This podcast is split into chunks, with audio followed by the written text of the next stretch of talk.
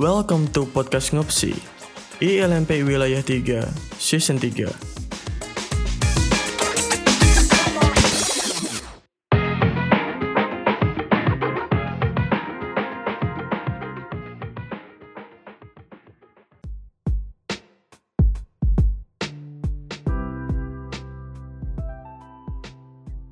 Halo Fans, gimana nih kabarnya? Oke, by the way, udah pada persiapan buat masuk kuliah atau bahkan udah ada yang masuk kuliah nih? Wah, cepet banget ya kayaknya liburannya. Oke, nggak apa-apa Fans, ngapain bun kalian? Mudah-mudahan tetap semangat ya. Terus sehat selalu dan diberikan kelancaran biar ngejalanin aktivitasnya terus semangat. Oke, yang penting jangan pantang menyerah ya Psikofams buat jalanin hari-harinya. Di episode kali ini, oke ketemu lagi bareng aku Vina. Nah, episode kali ini kita bakalan ngobrolin topik yang menarik banget nih Psikofams. Oke, apa ya kira-kira? Oke, jadi kita bakalan ngobrolin topik tentang bullying. Wah, kelihatannya menarik banget ya Fams. So, kalau ngomongin bullying itu kayak wah kejadian yang bener-bener gak mengenakan. Kalau dari Fams sendiri udah pernah jadi korban bullying atau malah jadi pelaku bullying. Wah, tapi jangan ya psikofems. Pasti psikofems semua juga tahu dong kalau bullying itu nggak baik banget buat orang lain maupun diri sendiri. So, jangan pernah ya psikofems jadi pelaku bullying karena itu bener-bener ngerugiin orang lain. Oke, jadi bullying sendiri merupakan suatu penyalahgunaan kekuatan maupun perilaku agresif yang bertujuan untuk menyakiti orang lain. Nah, ini dilakuin sama rekan maupun peers secara berulang dan juga ngelibatin ketimpangan kekuatan baik serta nyata uh, atau menurut anggapan antar pelaku dan korban. Nah, kalau menurut dari American Psychological Association sendiri, bullying itu tindakan ataupun perilaku agresif yang dilakuin berulang kali dan disengaja buat nyebabin perasaan gak nyaman maupun cedera untuk korban. Oke, secara sederhananya gini deh, bullying itu terjadi uh, karena orang ataupun korban itu uh, dianggap lemah. Ya biasanya sih kalau bullying itu kejadian yang dilakuin sama orang yang di sekitarnya itu lemah. Jadi kayak pelaku itu ngerasa wah dia lemah banget jadi dia jadi sasaran empuk buat uh, dilampiasin ataupun dilakuin bullying itu. So tapi dari si confirm semua jangan pernah ya anggap orang lain itu lemah dan sampai ngelakuin yang namanya perundungan. Oke, jadi bullying sendiri jenisnya itu berbagai macam, mulai dari bullying fisik. Nah, bullying fisik ini sering banget loh kita ketemuin psikofems. Biasanya sih pelaku bullying bakalan ngelakuin kekerasan fisik seperti halnya mendorong, menendang, memukul, dan lainnya yang berkaitan dengan fisik. Pasti pernah dong psikofems nemuin hal kayak gini atau uh, mencubit gitu. Nah itu termasuk salah satunya ya psikofems kayak itu bener-bener nyakitin deh buat korban ya karena cara nggak langsung korban pun pasti kan nggak salah apa-apa nih. Tapi kok tiba-tiba di kayak gituin. Pasti bener-bener nyakitin loh psikofems Oke, jadi buat efek dari bullying secara fisik ini bakalan bekas kekerasan yang timbul di bagian tubuh korban ini ada loh. Jadi bullying jenis ini paling mudah buat dilaporin kepada pihak yang berwajib karena secara nggak langsung ini termasuk jenis kekerasan karena ada bekasnya ya si psikofems. Oke, jadi next yang selanjutnya yaitu bullying seksual. Nah, ini merupakan jenis bullying yang dilakuin secara seksual, baik terhadap pasangan maupun bukan pasangan. Bullying ini bisa banget dilakuin secara langsung seperti ya pelecehan seksual, pemerkosaan, maupun secara tidak langsung dengan kata-kata maupun pesan pribadi. Ini biasanya nggak baik banget ya psikofems karena juga benar-benar ngerugiin orang lain dan mental orang lain pun bakalan terganggu. Next yang selanjutnya yaitu prejudicial bullying. Jadi prejudicial bullying ini tindakan bully terhadap ras maupun golongan. Jadi biasanya dilakuin pelaku yang melakukan aksi bullying ini dengan cara menirukan gaya korbannya maupun menirukan kebiasaan suku korban dengan mencela rasnya.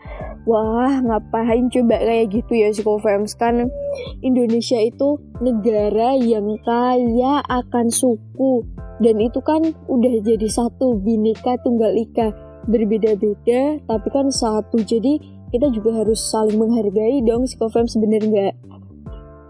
Next yang selanjutnya yaitu bullying bentuknya apa coba? Cyberbullying. Oke, jadi cyberbullying ini biasanya dilakuin di sosial media seperti halnya internet. Contoh kasusnya, pelaku berkomentar negatif di postingan korban atau menteror korban. Kan sekarang nih, teknologi semakin canggih tuh psikofems. Jadi orang-orang pun buat ngelakuin tindakan bullying verbal ini mudah banget. Jadi kayak kalau cyberbullying ini kan udah bertebaran di mana-mana. So, kita semua generasi muda harus bisa memanfaatkan teknologi dengan baik dan jangan sampai ngerugiin orang lain. Next, next. Yang terakhir, bullying apa coba yang belum? Ya, bullying verbal. Jadi, bullying jenis verbal ini berkaitan banget dengan cyberbullying, bahkan bisa lebih kejam. Biasanya korban yang terkena akan lebih memilih buat menyendiri dan juga memendam masalahnya. So, dampak terhadap korban bullying itu apa sih? Bahaya nggak sih? Jelas iya dong, psikofems. Jadi, dampak terhadap korban bullying itu akan mengalami gangguan mental seperti halnya depresi, gangguan kecemasan, merasakan kesedihan, dan juga kesepian. Bahkan tentunya korban bullying ini bakalan shock atau kalau ketemu pelaku pasti bakalan takut banget. Selain itu perubahan pola tidur dan makan, ada juga nih berkurangnya ketertarikan pada hobi atau aktivitas yang disenangi. Kenapa bisa kayak gitu?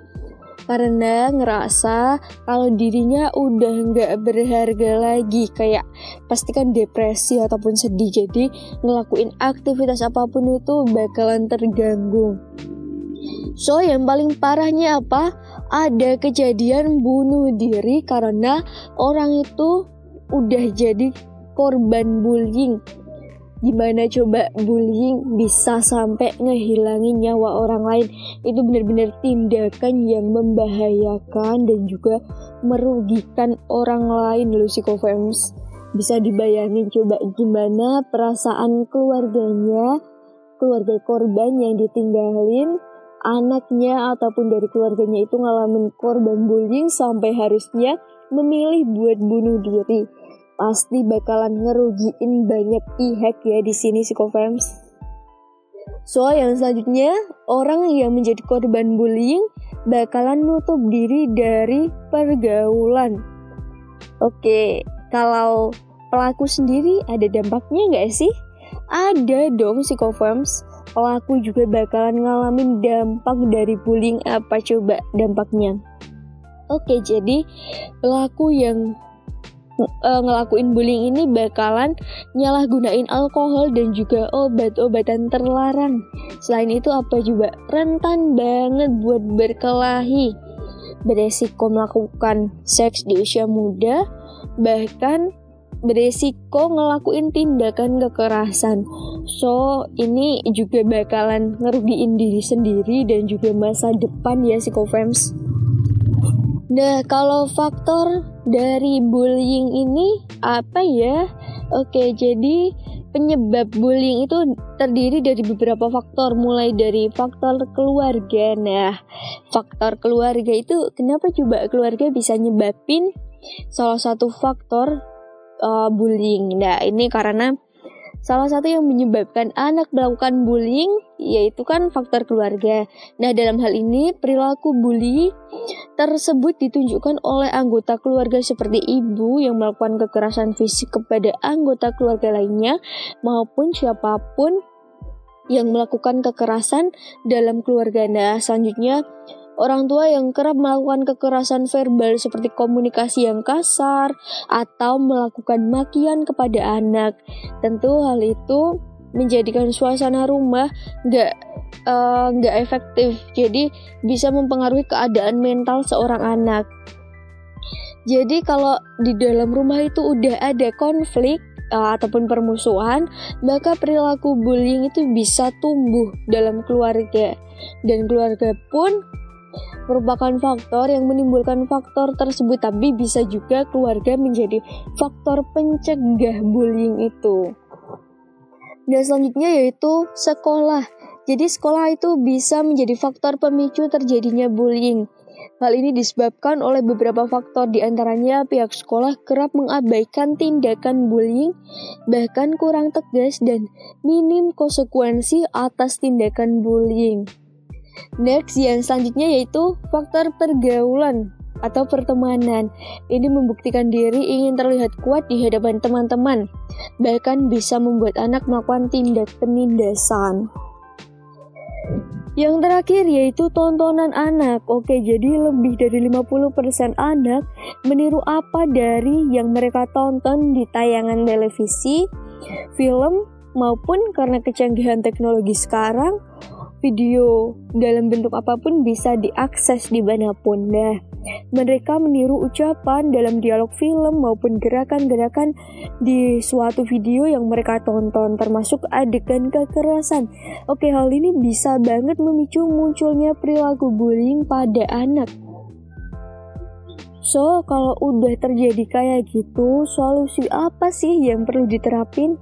Oke, jadi tindakan atau perilaku yang dapat kita lakukan apabila yang menjadi korban bullying atau sasaran bullying adalah kita sendiri. Jadi kita harus lakuin kontrol diri, jangan terpancing emosi. Oke, pasti ini sulit banget ya psikofems, tapi meskipun sulit kita harus berusaha buat tetap tenang dan juga tumbuhin dong rasa berani dalam diri. Terus yang selanjutnya kita bisa mungkin cari celah buat ngehindar dan juga cari pertolongan.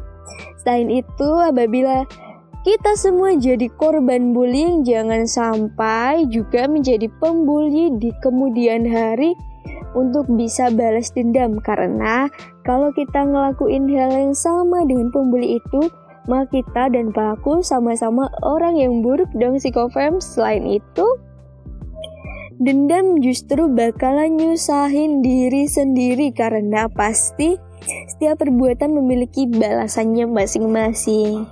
Oke, apabila kita melihat atau mengetahui adanya tindakan bullying di lingkungan sekitar, maka hal yang perlu kita lakuin adalah jangan diam aja dan menjadi penonton. Tapi segera laporin ke pihak yang berwenang ataupun pihak yang berwajib. Bila perlu, sertakan bukti yang akurat di psikofems. Kita juga bisa nyelamatin korban kalau situasi dan kondisi memungkinkan. Apabila kita merasa nggak mampu menghentikan tindakan bullying, efek bullying yang berdampak keras pada psikis dan fisik, korban kita bisa mencari bantuan ke profesional seperti halnya dokter maupun psikolog ya, psikofems. Selain itu, kita juga bisa buat ngebantu ngedampingin korban sampai korban itu tenang dan bisa melanjutkan aktivitasnya seperti biasanya. Oke, buat tips ataupun langkah-langkah singkat ini saat teman kita bullying, nah ada tips-tipsnya nih psikofem apa nih psikofem tips-tipsnya nah psikofem tips-tipsnya itu yang pertama kita harus mendekati teman yang mengalami tindak bullying lalu berikan support. Jangan biarin teman kita ngerasa sendirian oke? Okay? terus yang selanjutnya tawarin apa yang dia butuhin. Kayak misalkan minuman tempat yang tenang atau bisa jadi dia butuh kita buat jadi temen curhat. Maka kita harus ngusahain biar kita bisa jadi pendengar atau teman curhat yang baik Nah kita sebaiknya juga nggak ngebocorin kejadian tersebut sama pihak yang nggak berkepentingan supaya tidak terjadi hal yang tidak diinginkan. Next, antar teman buat ngelaporin kejadian bullying yang diterima ke orang tua, guru, pihak yang berwenang, dan lain-lain. Dan sebisa mungkin uh, temen ini harus dihibur buat ngelakuin hal-hal yang positif kayak misalkan bakti sosial wah keren banget kan bisa ngebantu orang lain nah terus uh, kegiatan yang bermanfaat karena begitu dia bisa merasa lebih berharga dan enggak berlarut-larut mengingat kejadian bullying yang dialaminya. Terus ada nggak sih upaya buat ngecegah tindakan bullying? Nah ada banget dong psikofans. Jadi upaya-upaya pencegahan yang dapat dilakukan agar bullying tidak terus terjadi ada dua yaitu upaya internal dan juga eksternal. Upaya internal yaitu meliputi speak up. Oke, jadi kita harus sesegera mungkin buat speak up kalau ngelihat atau bahkan menjadi korban bullying.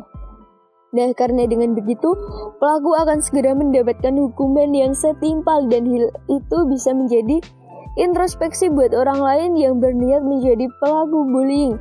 Jangan pernah merasa takut ataupun malu untuk speak up karena yang seharusnya merasa malu atau takut adalah pelaku bullying itu sendiri. Next, yang selanjutnya adalah harus stop buat normalizing bullying. Oke, jadi bullying itu menurut undang-undang perlindungan anak udah ada Bahkan bullying adalah tindak pidana, jadi perlu diketahui juga bahwa perbuatan ini membahayakan fisik dan juga psikis korban. Bahkan di beberapa kasus berakibat fatal seperti tadi yang udah aku bilang kayak hilangnya nyawa seseorang. Jadi perilaku ini nggak bisa buat dinormalisasi psikofems. Oke, buat upaya eksternalnya apa coba? Nah, upaya eksternal yang bisa dilakuin yaitu Perlu adanya sosialisasi lebih lanjut dan juga serius mengenai bullying, baik berupa penjelasan mengenai pengertian, faktor-faktor, hingga betapa bahayanya bullying. Hal ini bisa dilakukan di sekolah-sekolah ataupun lembaga pendidikan lainnya. Next, yang selanjutnya dibutuhin peran orang tua, tenaga pendidik, bahkan seluruh lapisan masyarakat untuk mampu bekerja sama dalam menanamkan perilaku empati dan simpati sejak dini kepada generasi muda untuk saling menghargai serta menyayangi sesama dan juga menciptakan lingkungan yang rukun. Dengan begitu, seseorang akan merasa bahwa kebutuhan kasih sayangnya sudah terpenuhi hingga dia untuk melakukan tindakan yang merugikan orang lain pun tidak akan mampu. Next, yang selanjutnya yaitu harus ada payung hukum yang jelas untuk menghukum para pelaku bullying dan melindungi para korban bullying. Oke, dengan begitu korban bisa merasa aman dan para pelaku bisa merasa jerah atas hukuman yang didapatkannya. Oke, psikofems. Jadi bullying itu nimbulin berbagai macam dampak buruk baik untuk pelaku maupun korban, tapi tentunya lebih banyak ke korban ya. Ini benar-benar ngeganggu psikis korban. Dan bullying merupakan tindakan yang benar-benar enggak baik buat dilakuin. Jadi, ayo dong mulai dari sekarang kita sebagai generasi muda harus mampu buat ngelakuin ataupun menularkan tindakan yang baik Nah, terus biar generasi muda di era selanjutnya juga bisa meniru kebiasaan baik kita sehingga kebiasaan bullying itu bisa buat dicegah sedini mungkin. Oke, Psikofams? Nah, gak terasa udah ngobrol panjang lebar, udah bahas topik yang menarik banget. Oke, jadi mudah-mudahan topik kali ini bisa dijadiin sebuah pembelajaran supaya kita semua terjauh dan juga terhindar dari kegiatan ataupun tindakan bullying. Oke, psikofem. Jadi kita harus, kalaupun kita ngalamin, kita juga harus punya keberanian lebih. Ayo, tingkatkan keberanian kita. Kita mampu buat hadapin situasi apa pun. Kita nggak layak buat jadi korban bullying. Oke, jadi kita harus lindungin mental kita terlebih dahulu sedini mungkin. Oke, yang penting kita harus terus uh, apa ya buat melakukan tindakan yang baik dan positif ya psikofans jangan sampai pergaulan ataupun teknologi itu membuat kita malah melakukan tindakan yang buruk seperti halnya bullying tadi. Oke psikofans, sampai jumpa di episode selanjutnya dan semoga hari ini kita semua senantiasa diberikan keberkahan dan juga kelancaran dalam segala aktivitas ya psikofans. Oke, aku Vina. Sampai jumpa.